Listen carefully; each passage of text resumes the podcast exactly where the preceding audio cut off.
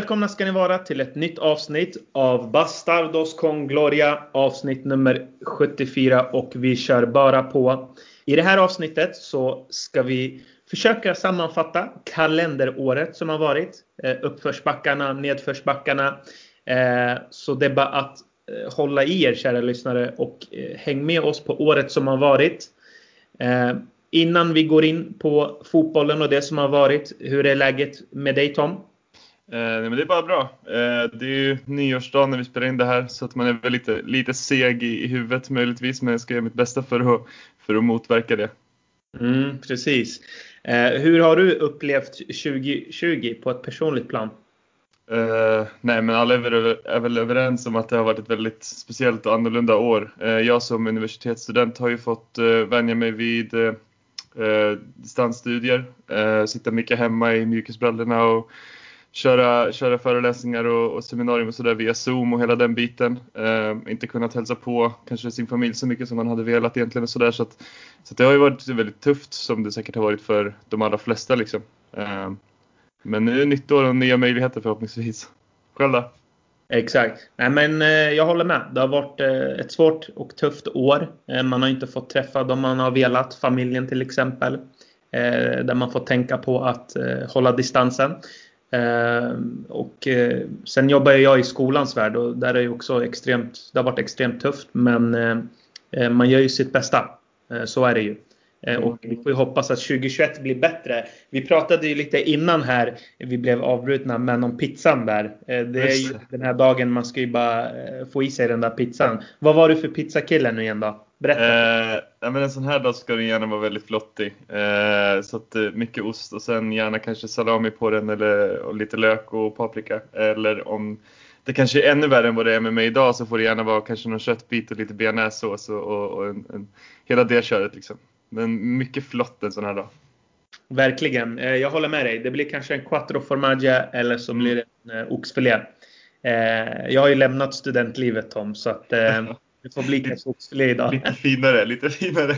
Exakt. Men eh, som jag sa tidigare, jag saknar min studenttid. Mm. Eh, vi välkomnar eh, återigen Rebas till podden. Läget med dig min vän? Jo men det är bara fint. Det, det är bra här i Göteborg. Eh, också i coronavärlden liksom. Nyårsdagen, allt vad det innebär. Ni har haft lite stökigt där nere va? Med corona? Ja, det har börjat sprida sig lite mycket. Jag såg någonting på GP, kom upp en flash förut om att det hade samlats väldigt mycket folk nu igår och att de var väldigt oroliga på intensiven och allt vad det är. Så det, det hade ju kunnat vara bättre såklart. Mm. Eh, hur har du upplevt eh, hela 2020 med coronan och allt och så? Men det har varit ett väldigt konstigt år. Jag har ju jobbat hemifrån sedan i mars ungefär. Mm. Eh, så det har väl varit en eh, väldigt tuff period. Så sett. För att man kommer inte ut, man sitter bara inne, käkar, lägger på sig några extra kilon så börjar man se ut som Michelin-gubben snart ändå. Så, eh, så det är väl det som är det jobbiga tycker jag. Men man ska inte klaga, man har ett jobb och man har klarat sig och man är frisk. Liksom. Det hade ju kunnat vara mycket värre. Så nej, men det är väl bra. Mm. Vad blir det för pizza för dig då idag? Alltså det är det som är grejen. Ni sitter ju och snackar om oxfilé och salami och sådana grejer. Alltså det man ska ha är en, det är en fucking kebabpizza med pommes på och sås. Men jag vet att såsen som ni har i er del av landet, det är, alltså det är skamligt att ens få kalla det sås. Om jag ska vara helt ärlig. Men det, det, kan vi, det, kan vi ha, det kan vi ha en poddserie om, liksom kebabsås. Ja, kebabsåsen är ju viktig. Eh, vi vet ju också att, men jag kan hålla med att Uppsala, jag tycker inte det, ja, eh, kvaliteten på pizzeriorna är inte den högsta. Det håller jag med om. Kom till Västerås. Ja, Västerås. Ja, Västerås ska ha bra pizza faktiskt. Det är sant i och för sig. Men vet ni, en gång åkte jag väldigt långt upp i landet. Jag kommer inte ihåg vart det här var. Vi skulle någonstans. Eh, och alltså, de la fisksås på min kebab. Det, var, fan. Det, det, smakade liksom fisksås. Och jag hoppas inte det är den varianten ni kör. I Göteborg? Mm. Ja, bara för att det luktar fisk i Göteborg eller? det, det vet jag inte. Det kan vara det. Nej, nej, nej. Vi har bäst sås i hela jävla Sverige. Det kan jag, ta, det kan jag skriva under på. Och det, jag vet att din brorsa håller med om det också, Meran. Okej. Okay. Men, men vad kör ni då? Är det, är, det, är det mild eller liksom stark eller vad har ni? Grejen är att eran starksås är den här röda tomatsåsen. Ja. Våran starksås är väl den blandat med någon slags majonnäs och yoghurtbaserad sås. Och så har man den på tillsammans med den här vanliga miltsåsen. Den som ni kallar för vitsås eller vad det är. Ja, exakt. Så det blir två såser. Om man, så är man i Göteborg så ska man ta mellansås för då får man två såser. Så det är om ni kommer ner hit. Vi kan verkligen rekommendera eh, Västerås och Göteborg. Eller hur Tom? Västerås? Västerås 100 Eh, jag har aldrig käkat kebab i Göteborg så jag vågar inte varken gå emot eller hålla med.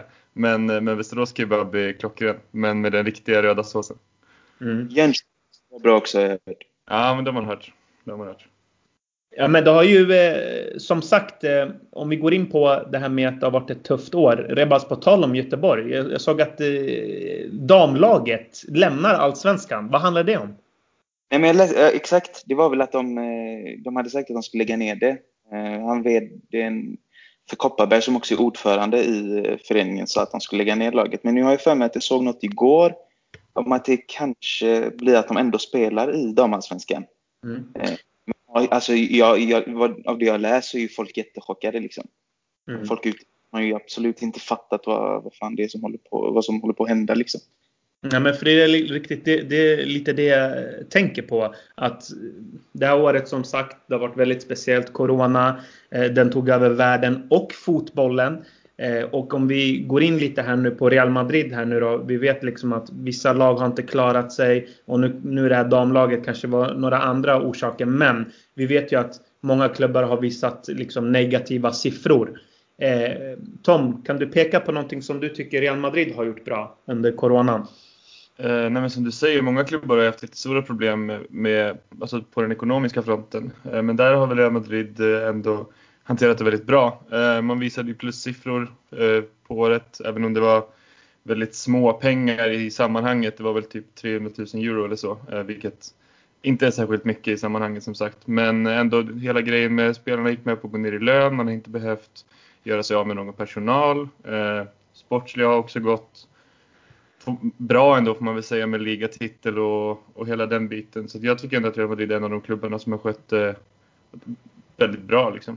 Mm. Nej, men jag kan bara instämma. Eh, Real Madrid har gjort det väldigt bra. Och vi pratar till exempel om Arsenal. 55 mm. anställda fick gå. Maskotten fick till och med gå. Özil fick erbjuda lönen för att hålla honom kvar. Det blev inget av med det va? Jag vet faktiskt inte. Rebas, vet du någonting där?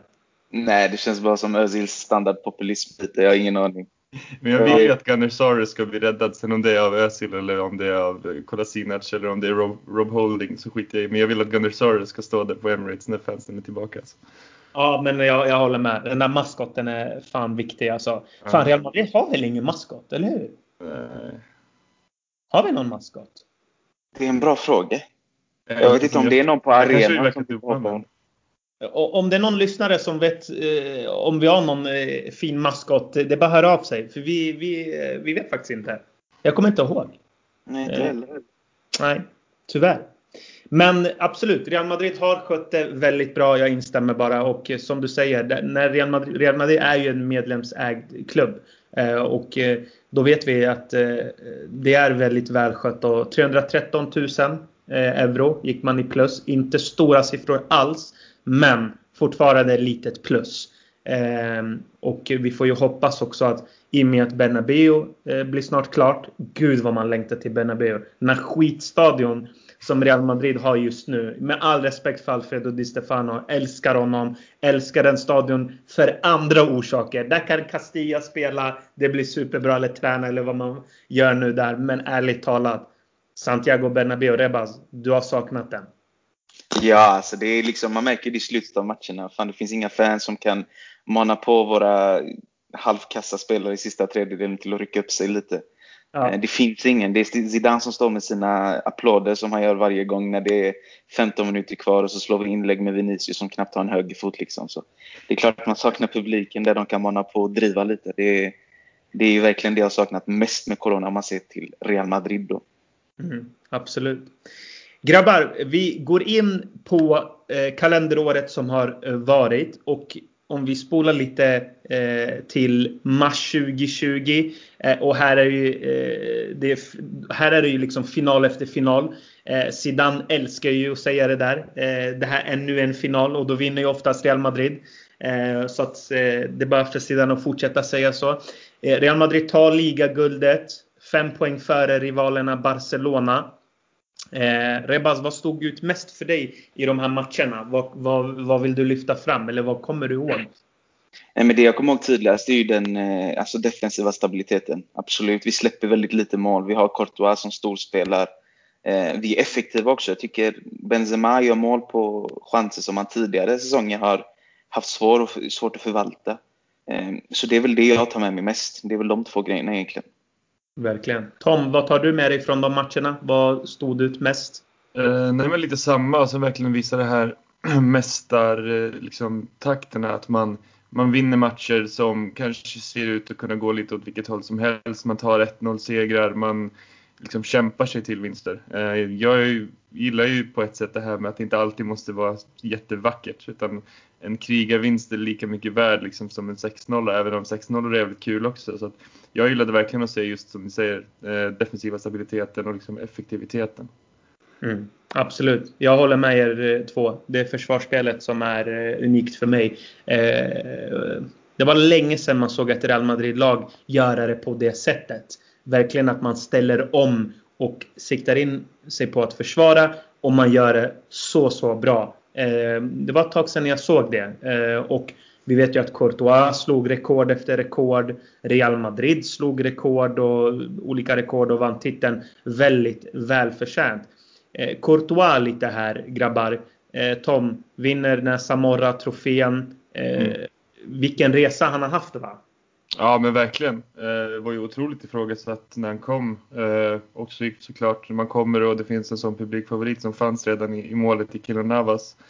Eh, det var inte lätt för honom och sen så var inte prestationerna bra där i början heller, det ska man ju vara ärlig med.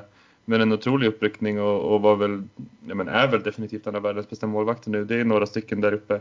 Det är väl han, Neuer, eh, Ter Stegen, Oblak kanske. Kanske Alisson, jag vet inte. Mm. Eh, men nu är han ju verkligen där uppe igen. Eh, vilket är otroligt kul och Real Madrid ska ju ha en av världens bästa målvakter, så är det ju bara. Mm, absolut. Rebaz, vad tycker du? Nej, men jag tycker Courtois har spelat upp sig rejält. Jag tycker han har gått från att vara, som Tom säger i början, väldigt svajig och lite av en risk. Alltså han gjorde ju tabbar som var liksom, vad fan har vi hämtat? Vad är det för spelare vi har värvat? Till att bli, alltså under den perioden där Zidane snackade om sina finaler, en av de viktigaste spelarna. Eh, man får inte glömma att utan honom i mål så vinner vi förmodligen inte ligan. För det finns matcher där vi vinner med 1-0, 2-1 eh, och ja, alltså så väldigt knappa vinster. Där han har gjort jättematchavgörande räddningar. Även nu den här säsongen har han varit väldigt bra i, i slutet av matcher och gjort jätteräddningar. Mm. Man kommer ihåg att han kom väldigt billigt också. Ja, men han var ju väldigt kritiserad i Chelsea. Han fick ju så jävla mycket mm. skit på slutet. De snackar ju om att ja, men det, det, är en dålig värvning av Real och han kommer aldrig kunna vakna igen och komma tillbaka till det han en gång var. Kepa för hur många miljoner? ja, men typ så. Alltså, det så uppgivna var de att de värvar Kepa för en 700 och kastar Courtois för ja, småsummor till oss. Liksom. Ja. Eh, men sen får man inte heller glömma Courtois när han var i Atletico Madrid. Han var ju, en väldigt, han var ju väldigt duktig på att släppa in mål när han mötte oss. Nu var Cristiano Ronaldos favoritmålvakt ett tag. Varenda frispark gick in på honom. Mm. Ja men absolut, resan har varit otrolig. Eh, och det är som du säger Ebas, han var ju redan kritiserad i Chelsea och man börjar prata om att han blir hela tiden tunnlad. Messi tunnlar honom och så vidare. Och så bara fortsätter det. Kommer till Real Madrid. Marca skriver en, eh, en eh, artikel om honom att han inte mår bra, ångest och så vidare och problem. Och så är han där han är. Jag tycker det är liksom en, en fantastisk resa och man borde liksom lyfta fram det väldigt mycket. Vem tyckte ni var säsongens spelare då? Jag ger ordet fritt. Vem, vem tycker ni var det? Den, kommer ni ihåg de här, den här säsongen? Vad, vad, tycker ni? Från det att de här finalerna kanske börjar, om man tar det därifrån. För mig är det Karim Benzema. Jag tycker att han mm. lyfte mm. laget. Jag tycker att han gjorde de här avgörande eh, målen. Sen var ju Ramos extremt mm. bra. Eh, jag ska inte ta honom ifrån det, men jag tycker Benzema tar det där sista för mig. Det står mellan tre för mig om man tänker, om man tänker 2020, liksom efter coronauppehållet och allting. Och det är de två du har nämnt och sen tycker jag Luka Modric också har, om jag då också räknar in början av den här säsongen där han har varit otroligt dominant. Eh, jag vet inte om jag kanske hade satt Ramos först ändå. Ja, det är tufft ja. mellan, mellan Ramos och Benzema. Jag, jag skulle nog ändå säga Ramos. Många straffmål också. Rebas, vad säger Alltså jag tycker den är svår för att jag tycker alla spelare har bidragit olika mycket. Men jag skulle nästan kunna säga att Courtois har varit bäst och motiverade. Jag skulle ja. kunna säga att Benzema har varit bäst och motiverade. Jag skulle kunna säga Ramos. Kroos också. Kroos var faktiskt bra. om man ser till förra säsongen när vi tog guldet så har han varit riktigt, riktigt, riktigt bra. Mm. Eh, men ja, alltså det står mellan Ramos, Benzema och Courtois. Och ska jag välja en bara för att sticka ut hakan lite så jag vill säga Courtois då. Inte får sagt några andra. ja, härligt. Eh, vi fortsätter på det här eh, kalendaret som har varit. Eh, City-matchen måste vi också prata om. Och den är ju intressant ur många perspektiv som vi kan lyfta fram. Real Madrid åker ut i åttondelsfinalen igen. Man åkte ju tidigare säsong mot Ajax, eller hur? Om inte jag helt och nu är det City då. Vad hände i de matcherna, Rebaz? Vad tyckte du gick fel? Förutom det självklara att eh, Varann spelade bort sig där i andra. Ja. Jag tycker, jag tycker den, det mötet var redan förlorat när vi spelade första matchen mot dem. Eh, på hemmaplan när vi torskade med 2-1. Jag tycker att Zidane gör ett riktigt idiotbeslut i att bänka Toni Kroos. För det, det läser Pep. Vi har ju bollen i den matchen. City mm. låter ju oss hålla i taktpinnen och liksom, de står ju bara och väntar på omställning och vi vet när de får ställa om med de spelarna då blir det jävligt farligt och det är det som händer. Vi får rött kort på Ramos eh, i slutet av matchen eh, som också liksom är helt matchavgörande i sista. För då hade kanske Varan inte gjort de här grejerna för vi vet att han är som en valp när han spelar ensam. Eh, så ja, jag, jag, vet inte, jag, jag är väldigt besviken på Zidans sätt att hantera det dubbelmötet. Trots att han har varit med i Champions League och vunnit så mycket så gjorde han ett så stort misstag i att bänka Kroos för det som hände var att Casemiro hamnade i roller där han fick ha boll när han inte skulle ha boll. De pressade, ställde om och så blev det som det blev. Mm. Tom, vad, vad, vad, säger du om de här City-matcherna? Vad, vad drar du för slutsatser därifrån? Det vill bara instämma och tyvärr så vann väl Pep den matchen ganska ordentligt mot eh, Zidane liksom. Eh, läste oss eh, och slog ut oss rättvist. Eh, sen ska man ju säga att vi har alltså det första mötet där, alltså det är ju, jag vet att jag skrev det också på, på, på Svenska fans, att det är 12 minuter som kostar hela Champions League-säsongen. Det är liksom först det målet där De Bruyne lyckas dra åt sig, jag vet inte om det är fyra försvarare i straffområdet och kan bara slå över den till Gabriel Jesus som nickar in den.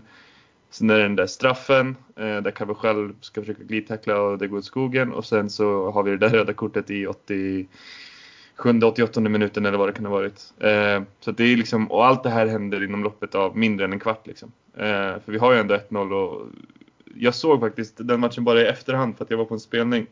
Men jag kommer ihåg att jag eh, på väg ut till garderoben tar upp telefonen och börjar titta på matchen. Jag bara, fan vi leder ju med 1-0, det här är skitbra. Och sen går det 30 sekunder, sen kommer 1-1, sen kommer straffen, sen kommer det röda kortet. Allt händer i kön till garderoben. på den här spelningen. Nej men eh, det var ju jättetungt såklart. Men som sagt, det är ju Pep eh, slog ju Zidane där, det får man ju säga. Mm. Eh, blir ni lite oroliga om vi pratar ur ett längre perspektiv? Att från den matchen till om vi stoppar här och nu liksom. Eh, har det varit någon utveckling? Ser ni att det finns liksom ett mönster av att eh, fan det går ju dåligt i Champions League och när vi möter lite tuffare lag direkt då blir man faktiskt utspelade. Eh, och i returmötet så slutar ju den 2-1. Det kunde lika gärna slutat 4-0, 5-0. Mm. Eh, och jag kommer ihåg Hazard var väldigt blek. Vinicius var det många som var irriterade över att han inte fick chansen från start eller kom in tidigare. Eh, där också Zidane tycker jag har en, eh, något att utveckla. Det är liksom det här matchcoachandet. Gör saker väldigt sent i matcher. Eh, gör konstiga beslut ibland. Och det, det funkade ju första sessionen. Kommer ihåg också han gjorde mycket oförklarliga saker. Men det går ju hans väg. Men Reba, ser du någon tendens nu att utan Cristiano Ronaldo så kommer inte Zidane längre? Tror du att det här är, finns ett mönster nu? Det är svårt att svara på på rak arm. Jag tror att det finns en svårighet i att Cristiano Ronaldo inte är med. Eh, jag tror att vi saknar edge i de riktigt stora matcherna där vi behöver en som liksom kliver fram och visar att, men det, alltså är med och leder laget. Att liksom ha en mittback som leder laget offensivt i sista tredjedelen för att hoppas på ett nickmål i 85 mot City i ett dubbelmöte. Det, det, det, är väldigt, det är väldigt svårt att göra det. Eh, så där tycker jag Zidane definitivt har en svår uppgift framför sig. Eh, och mönster. Jag kan ju tycka att vi har blivit lite svagare om man kollar i gruppspelet nu i år. Liksom, torska mot Shakhtar på de sätten som vi gör. Vi har svårt mot Gladbach. Eh, så det är klart att det saknas mycket i truppen. Eh, sen om det bara är Zidans fel eller om det är värvningarna som inte har kommit på grund av den ekonomiska situationen. Det är svårt att svara på men det är, alltså det är klart att det är en kombination av allt. Så är det ju. Vad säger du Tom? Vad, ser du något mönster? Är du lite orolig att det kan bli nu några år där man åker ut i åttondel? Alltså man har ju det fortfarande ganska färskt i minnet de här var det 5-6 åren där vi åkte ut i åttondel eh, varje år där. Eh, det var Lyon och det var Roma och det var, ja var det så mycket till och med? Ja. Med alla de här åren där runt 2005-2006 där. Eh, nej, jag, jag, tror att det kanske drar lite för höga växlar på det. Eh, det man ser i båda de här åttondelsuttågen är också att, att Ramos missar ju andra matchen i bägge, visst gör han det? Först, eh, först den medvetna avstängningen mot Ajax och sen, eh, och sen den här då. Men nej, alltså det är klart att man, det har väl sagts eh, hur många gånger som helst nu att förlorar man en spelare som Cristiano Ronaldo så är det klart att laget kommer bli sämre. Det spelar ingen roll vem du tar in för det finns bara en Cristiano Ronaldo. Eh, men jag tror inte att jag tror inte att det är någon större risk att vi ska se något sånt igen där vi konstant åker ut i en, i en åttondel. Det tror jag inte. Jag hoppas inte det i alla fall. Nej, jag, jag håller med er båda två. Det är en väldigt svår fråga att svara på såklart. Men man kan ju spekulera lite igen då i att, eller man kan ändå konstatera att Real Madrid inte har riktigt samma höjd. Mm. Eh, Nej. Och jag menar, då är man lite ifrån de här europeiska eh, topplagen, tänker jag ändå. Liverpool, Bayern München, PSG, eh, City också. Eh, man har lite liksom en liten bit kvar upp eh, tills man liksom når den där eh, stjärnglansen som man hade tidigare år. Det är också så svårt att jämföra då för att ska man nå samma höjd så ska man nå höjden av ett lag som var en fyra Champions League på fem år. Mm. Det, är omöjligt nästan. Alltså det ska man inte kunna göra. Så det, är en, det är en jävligt tuff jämförelse att göra liksom, även om det är mot sig själv. Mm. Ska säga. Mm. Ja, jag håller med dig. Mm. Eh, om vi blickar lite framåt här nu då. Eh, vilken spelare tror ni kan bära den här eh, fanan då? Om, om det inte är liksom Benzema och Ramos vi pratar om. Vem kan bli säsongens spelare? Vad tror ni? Rebaz, om jag börjar med dig. Vill du ha en som är ung eller en som är äldre? Spelar ingen roll. Vad det spelar ingen roll. Ja, någon som jag, kan ta liksom rollen här och att, inte, att vi inte liksom bara pratar om Benzema mm. och Ramos. För vi vet ju att hur säsongen har sett ut sen, sen Corona började och så vidare. Vi, vi kan liksom gå ner till stommen. Det är de som har gjort mm. det. Alla utanför, ja, Valverde möjligtvis, lite Vinicius, inte mer mm. än så. Nej, alltså jag hoppas ju på att Modric kommer fortsätta prestera så som han har gjort nu i början av säsongen. Alltså kan han fortsätta driva på som han har gjort och inte åker på skador och får hålla sig färsk, då har vi en, alltså, världens bästa mittfältare just nu kanske. Eh, mm. Så det är ju självklart att han kommer bli avgörande. Sen, sen vill jag även slå ett slag för Hazard. Eh, om nu han lyckas bli frisk och få lite minuter och komma igång på riktigt, eh, då mm. tror jag han kan bli extremt viktig. Om han nu är den spelaren som vi tror att han är. Premier League är Premier League och jag har mina åsikter om att det är en skitliga, men det är en helt annan diskussion. Ja, exakt. Men eh, jag tror också att man måste ibland se liksom längre än Benzema, Ramos och även till och med Modric. Jag mm. förstår absolut vad vi alla här tre tror jag är överens om att stommen är så extremt viktig. Vi ser hur laget är utan Ramos. Det är ju katastrof. Vi ser hur det är utan Benzema. Det är inte riktigt samma sak. Vi ser hur det är när Modric kanske inte är på topp. Det kreativa. Det faller väldigt mycket. Men för att kunna liksom se längre bort Eh, ja, det är svårt. Den jag tror och hoppas på väldigt mycket, det är ju Mendy. Eh, att han kan bli den här spelaren som eh, gör det där lilla extra och kanske skillnad också. För att jag menar, när vi, vi ser ju också att när, även när han inte spelar i försvarsspel, alltså det läcker enormt mycket. Och det är lite ostabilt. Eh, när Mendy är på plan, jag tycker det ser annorlunda ut. Eh, det är i alla fall vad jag tror. Ja, eh. så tror jag Fede Valverde kommer, om man tittar på ett långt perspektiv framåt, kommer vara en otroligt eh, viktig spelare för oss också. Verkligen. Eh, det tror jag också. Eh, av det ni har sett hittills då, eh, vad tror ni om 2021 då? Eh, Rebas, vad har du för känslor kring 2021? Tror du att det blir titlar? Vad, vad tror du liksom kommer hända? Jag tror inte vi har jättechans i Champions League, om jag ska välja. Där tror jag vi är ganska körda. Det finns betydligt större och bättre lag eh, i detta. Vad tror du, vad är det vi saknar? Men vi, jag tycker vi saknar spets. Jag tycker vi saknar en spelare som kan träda fram när det är som mest obekvämt och när det behövs som mest. Som är mm. offensiv då. Alltså, det är klart Ramos kan komma in och eh, in i straffområdet, nicka in en hörna eller vad fan det är som behövs. Men vi behöver kontinuerligt bryta ner våra motståndare i sista tredjedelen och det tycker jag inte att vi har kvalitet nog. Visst, Benzema är klass och allt vad det är. Men det är för osäkert på ytterpositionerna tycker jag. Och det är lätt för ett lag att låsa upp en forward. Det är inte svårt idag. Så defensivt stabila som lag är. Eh, mm. sen sett ligan, ja, det är tufft alltså för Atletico Madrid är Atletico Madrid. Är det någonting Simeone är bra på så är det ju inte tappa poäng. Eh, och vi börjar tappa poäng mot eh, betydligt sämre motstånd emellanåt. Så titelmässigt är jag inte jätteoptimistisk men fortsätter vi spela så som vi har gjort emellanåt och liksom fortsätter den här utvecklingen, generationsväxlingen så tror jag att det kan mynna ut i något bra ändå. Mm. Tom, vad, känner, vad är dina känslor kring 2021? Eh, vad, vad tror du kommer hända?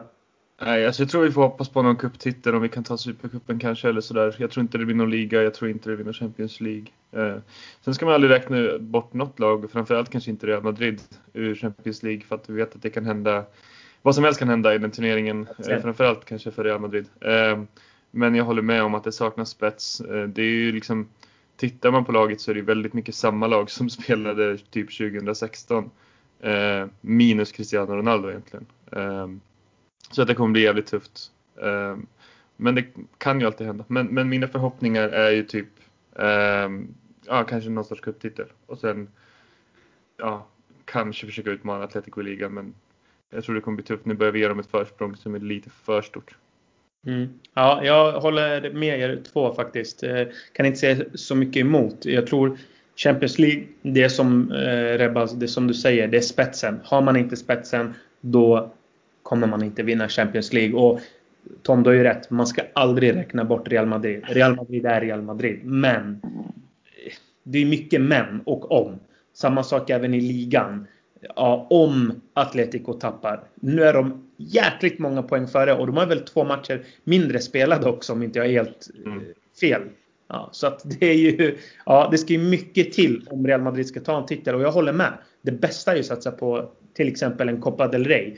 Eh, att man i alla fall får fira någon slags titel och ge sidan lite lugn och ro. Så han får det här transferfönstret som han suktar efter. Rebas, tror du att Florentino Perez kommer öppna upp plånboken och ge honom det där transferfönstret? För många av Zidans eh, Eh, anhängare eller de som tycker att Zidane ska stanna kvar. De tror mycket på att det handlar om att det är transferfönstret där han ska få sina spelare och då kommer det se ut sådär som det såg ut när han först tog över. Tror du på att det kommer hända?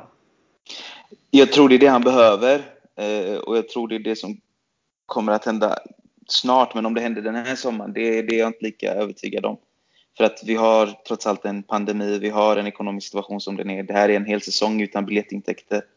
Eh, sen om man ska ta det lite nördigt och rent ekonomiskt och prata lite mer samhällsmässigt så det är ju låga räntor så att, så att ta ett lån idag för Real Madrid det är ju inga problem att betala av sen om nu vaccinet börjar verka och publiken börjar öppna upp. Så jag, jag tycker ju så här är att Real Madrid har bäst finansiell ställning av de flesta storklubbarna. Att gå ut och ta ett lån nu och försöka använda den fördelen mot andra lag som är jättebelånade. Det tycker jag är dumt om man inte gör. Så jag tycker Perez ska gå för någon den här sommaren. Och jag hoppas han går för Mbappé. För att det är den Zidane vill ha. Funkar det inte med honom, då kan man börja sätta eh, Zidane mot väggen och ställa honom mot väggen och säga det här hållet liksom. Men fram tills dess så tycker jag inte att man kan säga något. Nej, jag kunde inte sagt det bättre. Eh, jag håller 100% med. Och jag tycker också, jag menar, om man tittar på Real Madrid. Visst, man har netto spenderat en del, men man har ändå inte spenderat på det här sättet som vi är vana vid. Eh, de tre senaste värvningarna, eller fyra, fem senaste värvningarna, det är ju Hazard, Militao, Rodrigo, Vinicius, Mendy. Eller hur? Och Jovic också. Jovic. Eh, där har vi liksom de värvningarna. Visst, Hazard är ju den som liksom sticker ut väldigt mm. mycket. Men annars är det liksom, eh, det är sjukt att säga egentligen, inte små summor men det är inte summor som liksom får en att häpna direkt. Så att jag tror Real Madrid också har, har liksom som du säger, de har pengar i banken. Det är inte som att man har haft noll innan pandemin började. Eh, man hade ju inte värvat på ett bra tag innan Hazard kom liksom.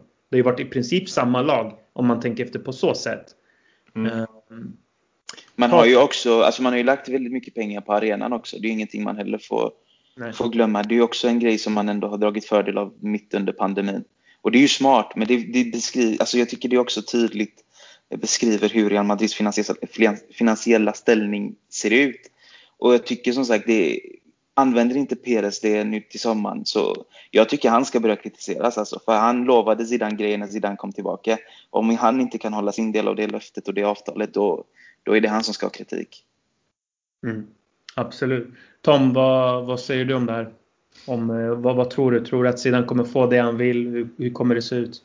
Uh, men jag kommer för evigt vara pessimist. Uh, jag tror inte att det kommer komma någon, någon jättebomb 2021. Uh, tyvärr. Uh, jag tror vi kommer få vänta till 2022. Jag tror också att när man börjar prata om det här med sommaren 2021 så kanske man förväntade sig att hela coronagrejen skulle vara slut. Typ.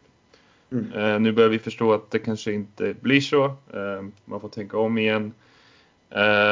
jag är rädd att vi kommer, rädd och rädd, men jag är lite orolig för kanske att vi kommer ställa upp nästa säsong också med, med en Vinicius och en, en Rodrigo från start. Ehm, men jag hoppas att jag blir motbevisad. Det gör jag nästan alltid. Jag, jag tror det beror på lite hur det går. Eh, om den här säsongen går totalt åt helvete, då tror jag att Perez kommer att känna lite press. Eh, för att om han sparkar Zidane, vem ska komma in? Pochettino är ju, det är ju klart med PSG. Mm. Då är det i så fall om man skulle ta in en Tuchel eller Nagelsmann eller Allegri eller någon sån typ. Men jag tror faktiskt inte Perez vill det. Jag tror Perez eh, är väldigt förtjust i Zidane. Zidane är en dragningskraft i sig. Jag tror inte man får glömma bort det heller. Och jag tror också att Går det verkligen åt pipan, då tror jag att Perez måste agera. Sen kanske inte det betyder att han kommer värva tre, fyra spelare. Men åtminstone att han kanske får in en Alaba möjligtvis. Som det har ryktats väldigt mycket om. Alaba känns klokt. Mm. Uh, väldigt, han kan spela på väldigt många olika positioner också. Yeah. Men jag tänker med just med Mbappé tror jag också man får vänta väldigt mycket och se vad som händer med den här förlängningen som verkar vara på gång. Uh, det verkar vara lite, det, det kommer lite olika uppgifter. Men eh, förlänger han så blir det ju tufft såklart. Med PSG, jag hoppas för hans skull att han inte gör det också. För att jag förstår inte vad han ska göra där om jag ska vara ärlig. Mm. Tjäna eh. pengar. Ja, jo. ja, det är det eh, fotboll handlar om nu för tiden. Eh, men grabbar, om vi ska eh, rikta lite fokus mot rivalerna då. hur de har sitt 2020 och 2021 vad vi tror kontra Real Madrid. Eh, Barcelona haft det väldigt tufft. Förlorade 8-2 mot eh, Bayern München bland annat. Messi i en stor liksom eh, ja, dokusåpa måste man väl ändå säga. Eh, haft väl två eller tre intervjuer där han återigen förklarar hur dumma Barcelona var och eh, att han verkligen ville lämna. Vilket blir bara, det blir bara liksom sjukare och sjukare. Eh, och han kanske gör rätt i mycket av det han säger. Men presidenten har eh, liksom sagt adjö, Bartomeu. Och nu ska man välja mellan Laporta eh, och eh, Font heter han va? Precis. Eh, och ja, vad säger vi om Barcelona då, Rebas? Vad, vad, vad har du för känslor kring deras 2020 och vad du tror 2021? Hur det kommer se ut för dem? De har ju haft eh, alltså av, av storklubbarna så är det väl de som har mått sämst. Eh, och sett till storklubbar då räknar jag de allra största i respektive liga. Mm. Eh, eh, jag tror att de kommer fortsätta ha det tufft så länge Messi tydligt kritiserar ledningen. Jag tror det är väldigt naivt att bara enbart skylla hela den här grejen på, på Bartomeu som många av Barca-fansen gör. Utan man får också se att spelarna har ett ansvar. Och spelarna också är en del av problemet. Jag tycker att som lagkapten att ta ledigt en extra matchdag och se sitt lag kryssa mot, vilka var det de mötte nu igen? Eibar. Ja, hans favoritmotstånd dessutom. um, så då, då, blir det alltså liksom så här, det, de, de mår inte bra och det syns på planen också tycker jag. Så har de en tränare som är högst medioker, med en tränare som misslyckades i Everton liksom. Mm. Det är på den nivån vi pratar. Och 2021, nej, jag tror de kommer ha det fortsatt tufft och de har en ekonomisk situation som inte är hållbar. De har löner som är extremt höga. Messi vill ha nytt kontrakt. Jag tror inte han kommer nöja sig med samma summa direkt. Nej. Ehm, så Barca, jag blir inte förvånad om Barca hamnar i en situation likt Milans. Om det inte går vägen. Jag hoppas, min dröm är att Xavi kommer tillbaka och totalt misslyckas. Det hade jag njutit av. Men det är bra spel. I, i Qatar. Han, han, han firar ju där med en shake-klänning och eh, ja, ja där stolt i de kläderna. Så att pengarna rullar in i alla fall. Så han mår ju väl bra av det. Han kommer väl ersätta katedralen i Katalonien med en moské snart så som han håller på. Så. Ja.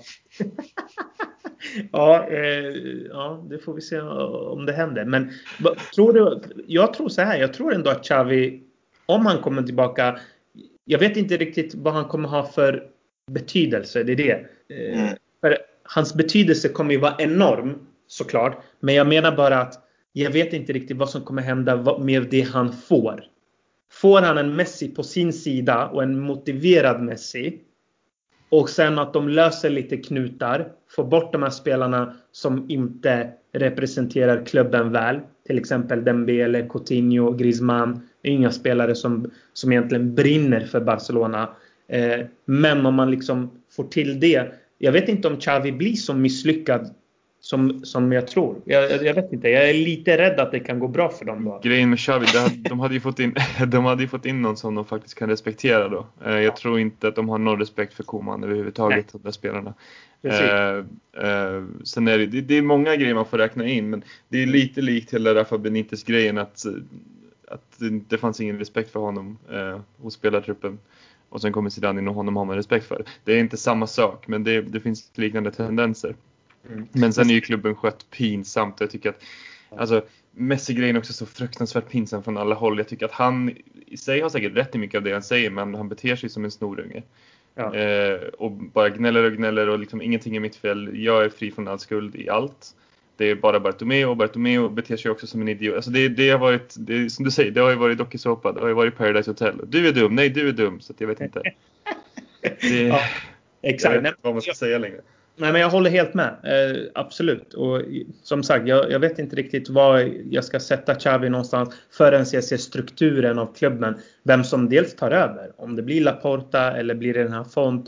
De har ju lite olika eh, ingångar såklart. Eh, men... Jag tror att de måste rensa brutalt mycket i den där truppen för att det ska kunna bli någonting. Alltså.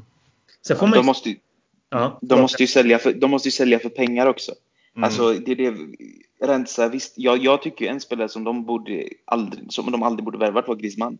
Så länge Messi är kvar så är det dumt att värva en sån spelare. Alltså de har gjort det misstaget innan. Ja. Vi accepterade gå ut på en kant. Zlatan, alla vet vad som hände där. Eh, Henry också delvis. Det var inte heller en perfect match.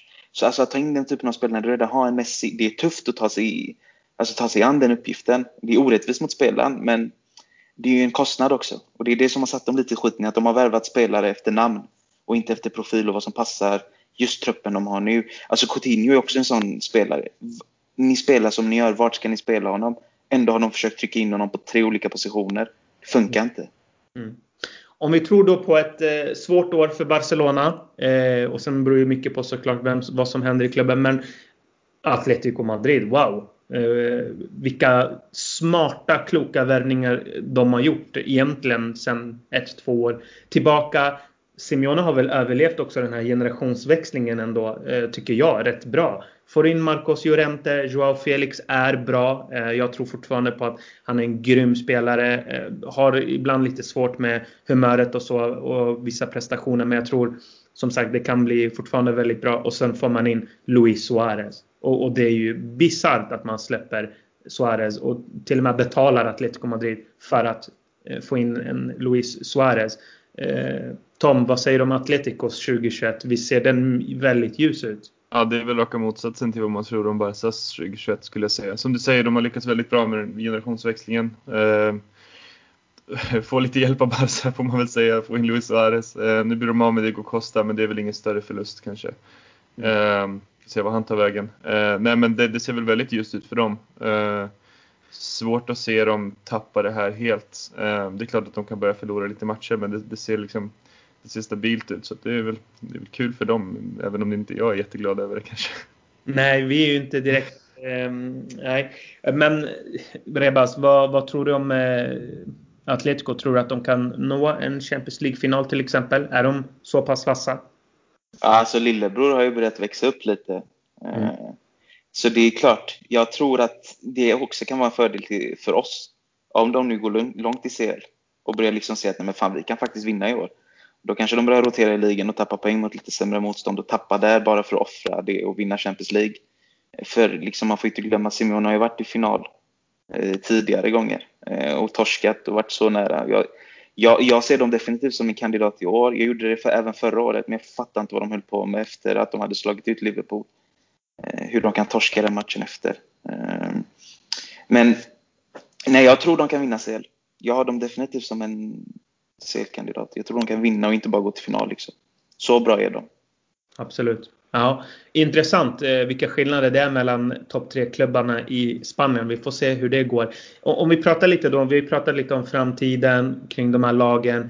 Vad, vad, tror vi Real Madrid behöver göra då om vi ska prata ytterligare tio år framåt? Nu har vi haft, eh, om vi tar då 2010 till 2020. Vi, vi kan lyfta fram några eror. Rebaz, jag vet att han älskar Mourinho-eran. Eh, vem gör inte det såklart? Men vi kan ju lyfta fram Zidane-eran. Helt sjukt. Eh, om man tänker på Real Madrids tio år. De har ju också varit väldigt spektakulära. Väldigt bra. Eh, enormt starkt. Och så hade vi den där sommaren då 2009 med Alonso, Benzema, Arbeloa, eh, Cristiano, ja, men you name it. Det var, ja, jag vet inte, jag kan inte nämna allihopa. Kaka.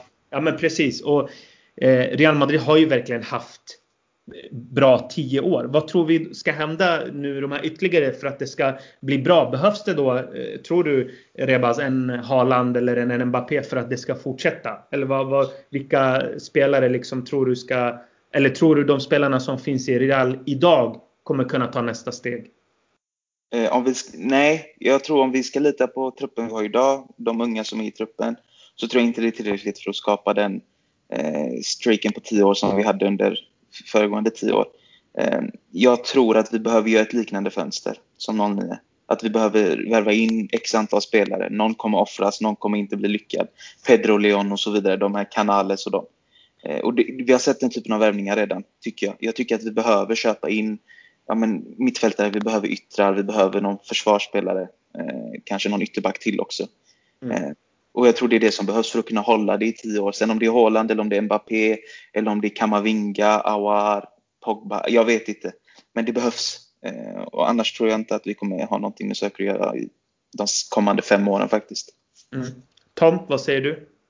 Uh, ja, nej, men man får väl hålla med till viss del i alla fall. För det är liksom som vi har varit inne på flera gånger att det är den här stommen som har varit så viktig hur många år som helst nu med, med Ramos och Modric och, och Benzema och sen ja, Ronaldo innan det. Eh, så, och Ronaldo har vi inte ersatt alls. Eh, Hazard är ingen ersättare för Ronaldo på, på något sätt. Jag vet inte om folk förväntade sig att han skulle göra 40 mål i ligan men det kommer han aldrig göra någon säsong. Eh, det är inte den typen av spelare så det är klart att det kommer behöva, du behöver shoppa lite. Eh, Sen om det är som sagt om det är Mbappé eller om det är Haaland eller vem det kan vara. Jag vet inte, jag, jag vill inte ha Haaland. Eh, jag tycker han är dryg bara. Eh, och sen tror jag inte heller att det kommer bli lika lyckat när han inte har så mycket yta att springa på. När jag tror att han skulle haft det tuffare mot låga kompakta försvar. Jag vet inte, jag har inte sett så mycket av honom i och för sig i Bundesliga men jag, det jag har sett så ser det väldigt vidöppet ut på ett sätt som det inte alltid gör i våra matcher.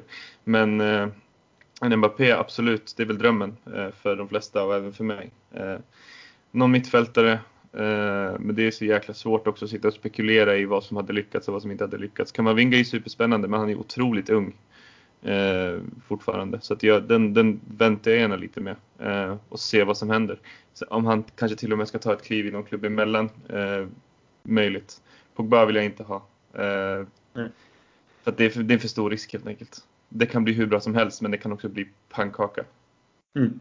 Absolut. Ja, men, eh, jag instämmer mycket av det ni säger. Jag är lite orolig för de här kommande, om vi, om vi ska prata då, tio åren eller fem åren. För att vi ska ju fasa ut några spelare och jag vet inte riktigt hur det kommer gå. Det är några frågor där som måste eh, besvaras. Eh, vi får ju se Mbappé, vi vet ju inte när han kommer. Vi vet inte ens om han kommer.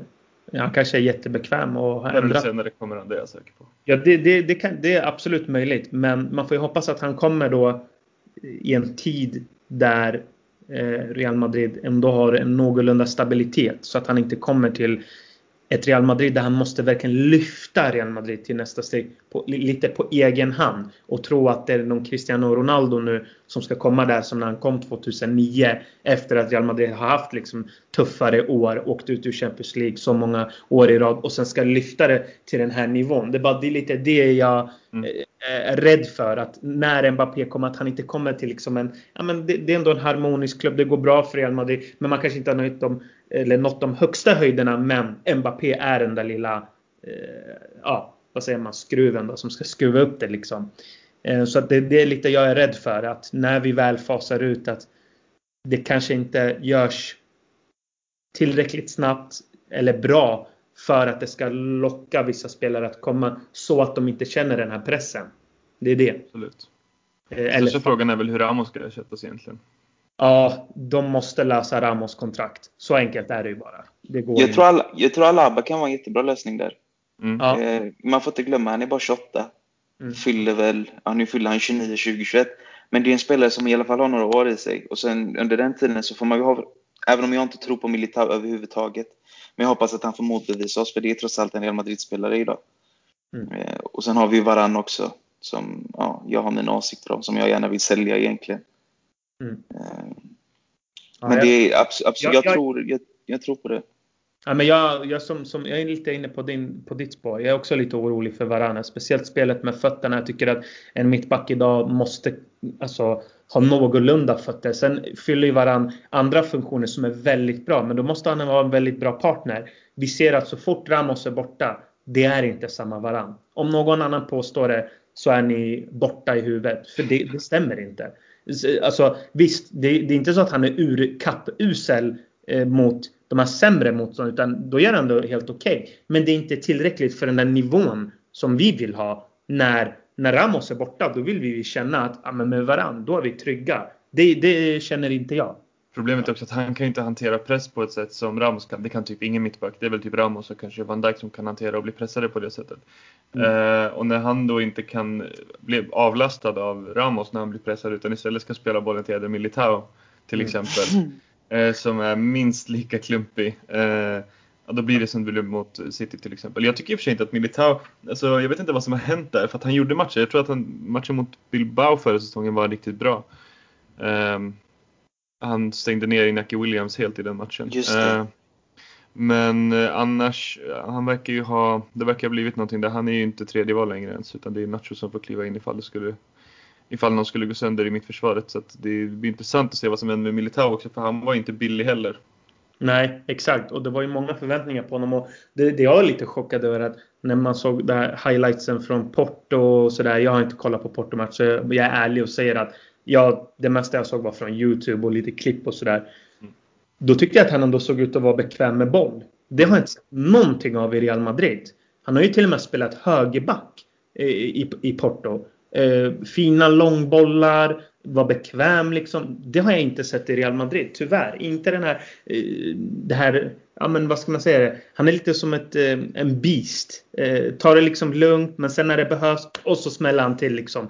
Så såg det ut i Porto enligt mig. Men jag vet inte vad, heller vad som har riktigt hänt med honom. Det är ju någonting med att vi inte har lyckats förvalta de här, de här värvningarna vi har gjort. Det är ju inte bara Militao, det är Jovic också och sen hela Hazard-grejen då som har med mycket annat att göra. Men det, det är lite oroväckande att man köper spelare för så en halv miljard plus eh, och sen blir det bara frysbox och man kan inte riktigt fatta varför, hur det blev så fel som det har blivit. Det är väl Mendy som liksom motbevisar det kanske lite grann. För han har ändå kommit in och verkligen tagit sin plats och, liksom, och gör det bra. Eh, men, men ja, det här med att man köper spelare, jag vet inte om det är dålig scouting eller vad problemet är. För det verkar ju uppenbarligen som att Zidane inte vill ha någonting med Luka Jovic att göra till exempel. Fast mm. han har sagt att det var hans gubbe, det var hans värvning och hela den biten. Men mm. ah, jag vet, nah, det är någonting som inte stämmer där riktigt. Mm. Ja, jag delar verkligen den eh, uppfattningen. Grabbar, vill ni lägga till något eh, som, eh, som vi har missat kalenderåret? Är det någonting här innan vi går in på lite listor och eh, kröna lite spelare?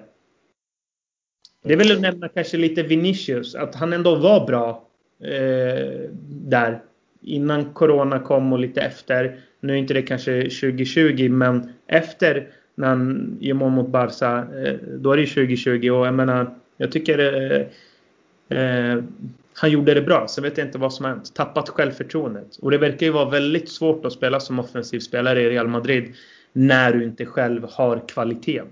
Eh, du har inga mönster att följa eller ett visst sätt att spela framåt. Utan det, det var ju mycket liksom slå på inlägg. Rebaz till exempel mot eh, Elche. Mm. Du slog ah. på inlägg efter inlägg. Ja, alltså man tar ju in Vinicius. Hur, hur tid är det kvar när han kommer in? Jag vet inte, jag Tom pratade om det. Det är väl fem minuter han får ungefär. Och ska Vinicius stå och slå inlägg när de står så lågt som de gör? Nej. Jag tycker, det, jag tycker den förlusten är delvis att vi kommit upp i nivå, men det är också ett coachmisstag. Junti gör byten mycket tidigare. Jag mm. tycker att uh, han borde gjort i alla fall minst två byten. eh, redan vid 65. Eh, sen om det är att han ville ta ut... Eh, jag fattar dock inte hur Asensio kunde få så många minuter. Där är en spelare jag hade bytt ut efter 65 för jag tycker han var totalt anonym under hela matchen. Mm, jag håller med. Grabbar, vi stänger kalenderåret 2020. Eh, gått igenom en hel del. Nu är det dags att eh, ge lite priser från juryn här. Eh, den fantastiska juryn. Eh, vi går in först på eh, årets härligaste seger. Eh, Rebaz, vi börjar med dig. Vilken känner du att det var? Alltså det, det är alltid, jag älskar ju att slå Barca. Mm. Jag älskar att slå Barca, så Classico måste jag väl säga är väl den härligaste segern i mm. år. Mm. ja, det är, det är väl det korta svaret. Mm, absolut. Tom, vad säger ja, du? Jag, jag har samma. Ni kommer med. Mycket av, mycket av mina, mina utmärkelser här är runt samma period och, och, och Classico är definitivt eh, den härligaste segern tycker jag. Som sagt, det är alltid hur skönt som helst att spela Barca. Nolla dessutom. Mm. Jag kör årets eh, segrar ja, och det är inne på ert spår. Jag tar båda El Clasicorna. Tycker de var så härliga. Eh, dels Vinicius gör första målet, sen Mariano halkar in bollen.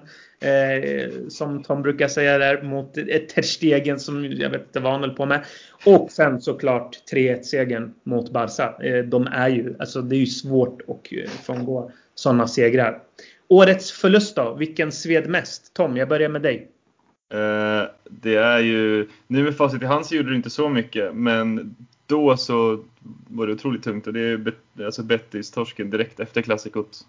Mm. Just för att man fick upp så mycket hopp där. Okej, men vi spelar bara så nu tar vi ligan och sen torskar man direkt mot, mot Bettis. Eh, så det är min värsta förlust. Den andra shouten är väl eh, Shakhtar kanske. Mm. Eh, men eh, i stunden så tyckte jag nästan att det, det sved mer med Bettis faktiskt. Mm. Eh, Rebas, vad säger du? City hemma, mm. tycker jag. För jag tycker det är en match vi slarvar bort. Jag tycker att vi, vi faktiskt hade kunnat få med oss ett resultat som hade hotat dem lite på, eh, på Etihad också. Men eh, tyvärr så gör Zidane det han gjorde i den matchen. Jag håller med. Jag är också inne på City-matcherna. Jag kan välja den andra faktiskt. Jag tycker Real Madrid blir alldeles för utspelad för att vara en stor klubb och eh, Guardiola klädde av Zidane i den matchen. Eh, det, det, borde ha slutat 4-0 i, i min värld.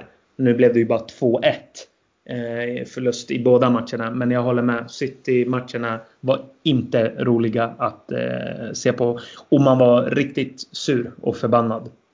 Eh, årets spelare, eh, där kan jag börja. Jag eh, säger faktiskt Karim Benzema. Jag tycker att han... Eh, jag har haft lite tidigare problem med Karim Benzema och det har inte varit att han inte är duktig. Utan det är en väldigt kompetent fotbollsspelare, eh, väldigt allround, klarar det mesta, viktigt för, spel, viktig för spelet. Men eh, jag tycker han har ibland svajat, inte visat ledarskap. Och sen om det beror på Cristiano Ronaldo eller inte, jag tycker det är en dålig ursäkt för hans anhängare som hävdar att det var Ronaldos fel. Det är ingens fel.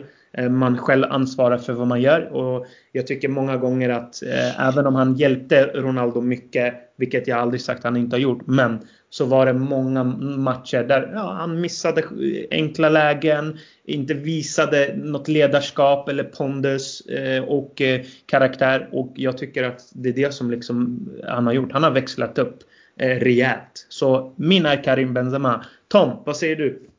Eh, men vi var ju lite inne på det. Skulle man se på säsongen 1920 hade jag sagt Ramos. Kalenderåret 2020 så, så har jag också Benzema strax före Ramos.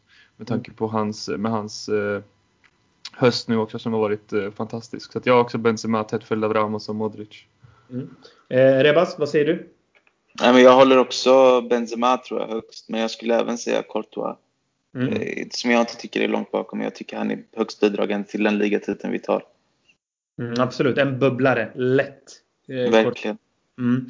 Årets sämsta spelare. Rebas, ta över det här. Vad säger du? Alltså det här, det här kan vi snacka om i timmar. Jag tycker ju utan tvekan att det är Isco. Jag mm. tycker mm. det. Jag tycker Isco har varit totalt en lis. Jag tycker han har varit katastrof. Jag tycker han har varit skit. Alltså det finns så många olika sätt att beskriva hans säsong på. Jag tycker han, han har blivit fet, gått upp i vikt, klipper sig inte längre, ser ju fan för jävlig ut. Och spelar Real Madrid med en lön på, jag vet inte vad han tjänar, men ändå så liksom får han chansen av Zidane. Alltså det, jag blir så frustrerad av att se en fotbollsspelare med så mycket talang kastar bort det på det sättet. Och, nej, för mig, alltså visst det har kanske med förväntningar att göra och absolut hela den biten, men för mig är han ohotad etta på den skittronen. Det, det går inte att ta ifrån honom, tycker jag. Eh, Tom, vad säger du? Vem vill du? Eh, ja, men det är Mariano. Mm. Eh, ser man till vem, ja men alltså det är, det är ju bara Mariano. Alltså, ska man, jag håller med om att Isco verkligen har gått ner sig, men ska man se till vem är den sämsta fotbollsspelaren så tycker inte jag att det är snack om att Mariano är överlägset sämst. För alltså jag, jag, jag, uppskattar också spelare som springer mycket. Han är ju otroligt, alltså han kämpar ju förmodligen typ mest i laget egentligen. Även om det, han ofta kanske springer efter spöken liksom. Men han kan ju inte spela fotboll, tyvärr. Eh, han har en tegelsten till fot och nej, jag, jag vet inte. Sen, det, jag tror också det bidrar eh, till mitt omdöme om Mariano att han helt plötsligt ska gå före Luka Jovic. Eh, som jag har liksom kämpat för ända sedan han kom. Att Jovic ska få chansen och sen helt plötsligt så dyker Mariano upp och är träfot igen. Eh, nej, Mariano är först på, på min lista faktiskt. Mm. Ja, men eh, årets sämsta spelare för lyssnarna där ute, det kan ju vara kvalitet, det kan vara prestationer. Jag väljer att fokusera på prestationer eh, och eh, här tycker jag ändå att Luka Jovic, jag vet Tom att jag sårar dig nu. Jag älskar också Luka Jovic, jag tror fortfarande på honom. Men jag tycker sett till förväntningarna jag hade när han sitter i bilen på väg till Bernabeu och han ler inte en enda gång. Jag älskar ju sånt. En riktig fullblodig psykopat liksom. The Serbian Terminator, tänker jag då. Och så kommer han och det händer ingenting och det händer ingenting. Och vi kan ju såklart skylla på Zidane och klubben och annat.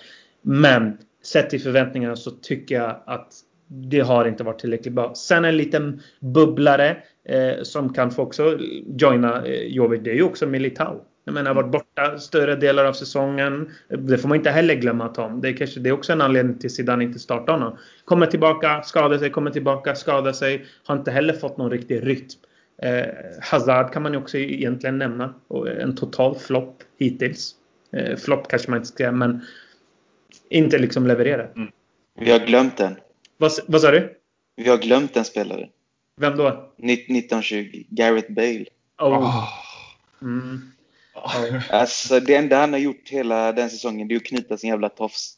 Det är det enda han har lyckats med. Annars har han varit så jävla usel. Det finns ju inte en sämre fotbollsspelare i Real Madrid det året. Den säsongen. Det måste man ändå säga. Mm. Ja, det är faktiskt sant. Jag har med Nacho på topp tre också för att jag är trött på honom. Okej. Okay. Eh, vi går vidare. Årets eh, talang. Eh, såklart att det är Fede Valverde. Tom, vad säger du? Uh, alltså jag, jag tycker, det är ju Fede Valverde. Uh, sen jag, bara för att det är lite tråkigt och självklart så har jag skrivit upp Rodrigo också för att mm. jag tycker han har spelat upp sig på sistone. Otroligt tråkigt med skadan nu såklart. Uh, men, men Fede är ju Fede är ju först för mig också. Mm. För, mig är ta, för mig är talang potentiellt, alltså liksom vad som komma skall och då, jag tycker fortfarande det är Vinicius. Jag tycker det. Sett i spets vad han kan uppnå är liksom, det är högst i truppen. Mm. Okej. Okay. Eh, årets eh, bästa eller snyggaste. Eh, och det är också upp till jurymedlemmarna att definiera själva. Rebaz, vi börjar med dig. Vad säger du? Benzema mot Valencia. Eh, mm. Den när han får eh, det, den dåliga passen från Asensio. Eh, och så trixar han över deras spelare och så bam in på volley. Det är väl det absolut snyggaste den här. Jag ska inte behöva flika in att det är en dålig pass från Asensio.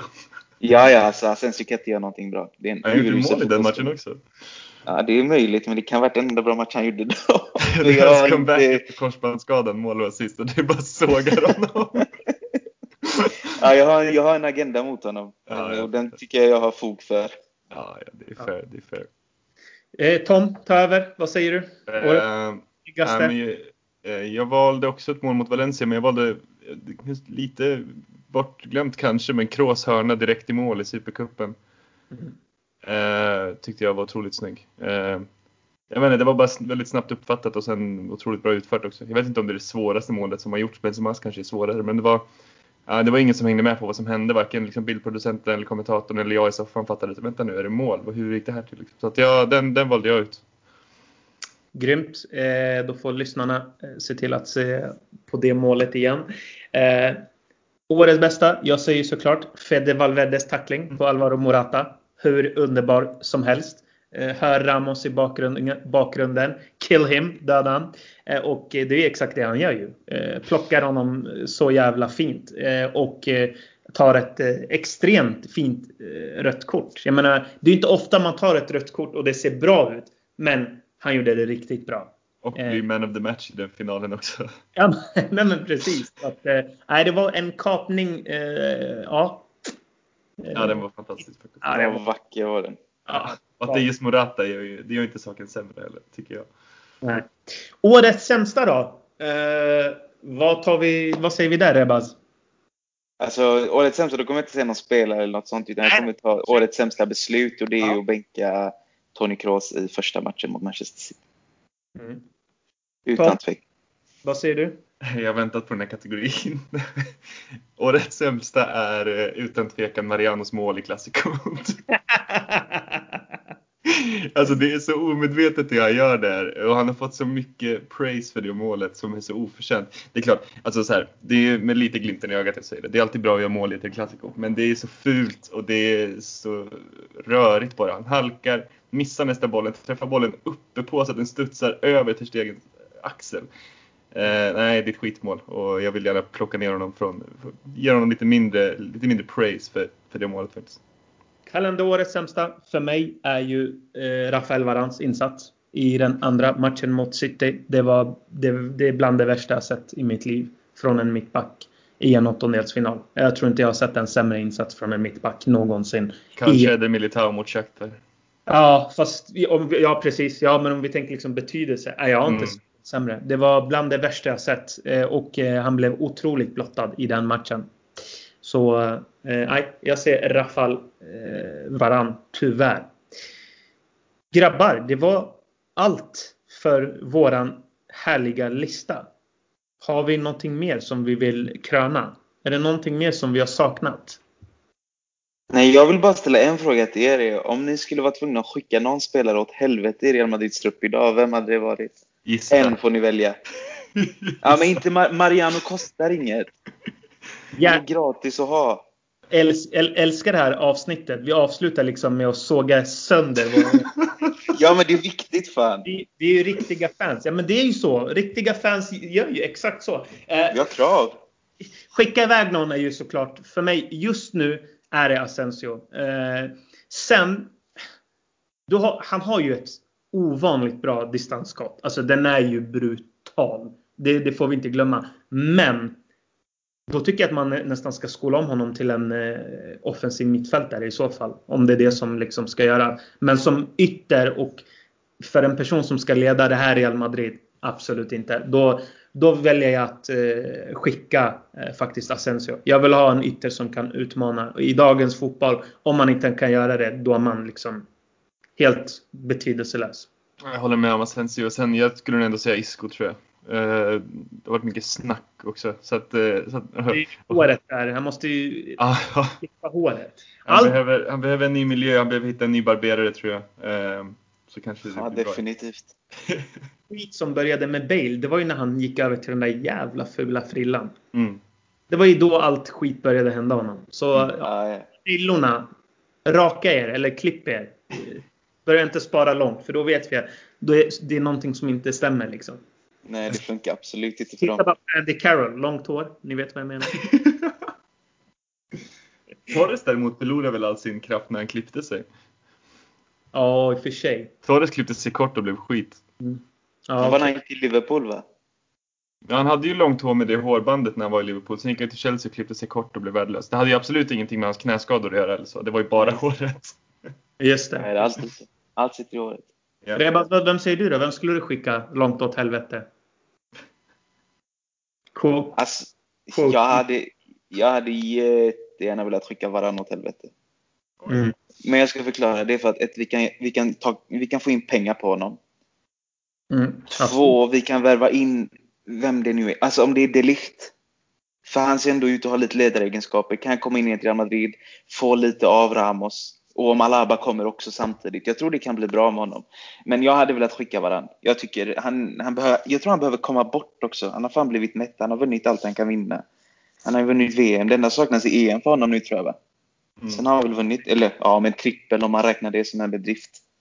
Men annars har han ju allting. Men han hade velat skicka åt helvete. För jag är trött på hans... Han har varit så kast det här året. Det. Nej.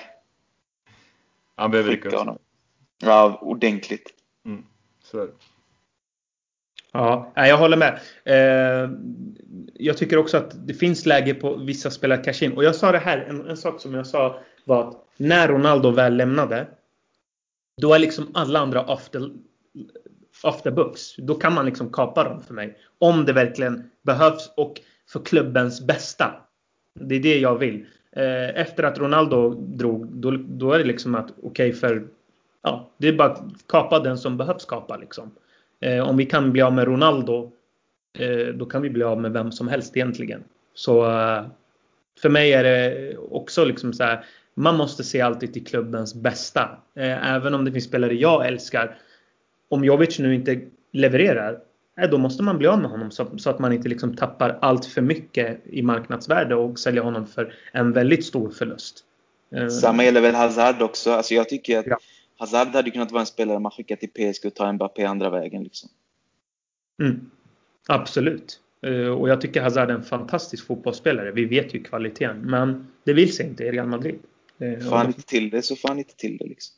Mm, absolut. Ja grabbar, vi avslutar det väldigt hetsigt här. Eh, jag tycker att vi borde avsluta det på topp. Ni får kröna eh, årets eh, sköning i laget. Vem tror ni är en skön spelare? Alltså, eller så här, skön eh, personlighet. Vem tror ni? Vi, vi, vi får kröna en sån tillsammans. Vi får komma överens. Jag tänker kasta in Marcello där direkt va? Ja. Eller hur? Mm. Det leendet får man inte bort. Och Det känns som att han ger bra vibes. Mm. Ja, men det är, bara att kolla, det är bara att kolla när Asensio rehabbar, hur han står liksom på anläggningen Mm. och kollar på liksom backar honom. Det är en sån, man behöver såna i laget också. Så om ni fick dela liksom en kväll med Marcello och softa med någon i laget så hade det varit liksom Marcello. Ja, definitivt. Jag Mm. tror det. Själv då? Ja, jag, jag håller med. Nej men jag håller väl ändå med. Jag skulle väl ändå kanske gå, vilja gå på en modeshow med Sergio Ramos för att förstå liksom hur han tänker när han väljer vissa kläder. För han ser ut som en idiot i vissa lägen.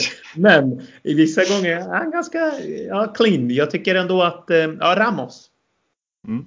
Bara för att höra liksom eh, ja, alla stories och allting. Jag tror han är en dryg spanjor alltså.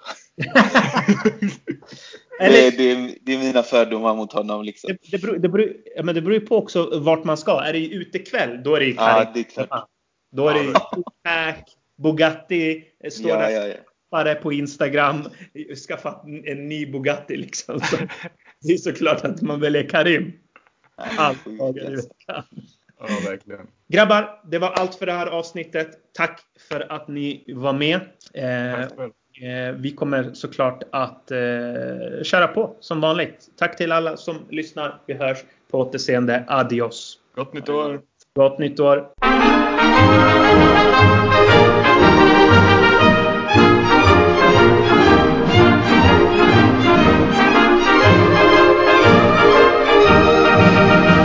las glorias deportivas que campean por España. El Madrid con su bandera, limpia y blanca que no empaña. Club castizo y generoso, todo nervio y corazón. Veteranos y noveles, veteranos y noveles miran siempre sus laureles con respeto y emoción. A la Madrid, a la Madrid, noble y bélico Atalid, caballero del honor. ¡A la Madrid! ¡A la Madrid! A triunfar en buena lid, defendiendo tu color. ¡A la Madrid! ¡A la Madrid! ¡A la Madrid! ¡A la Madrid! ¡A la Madrid!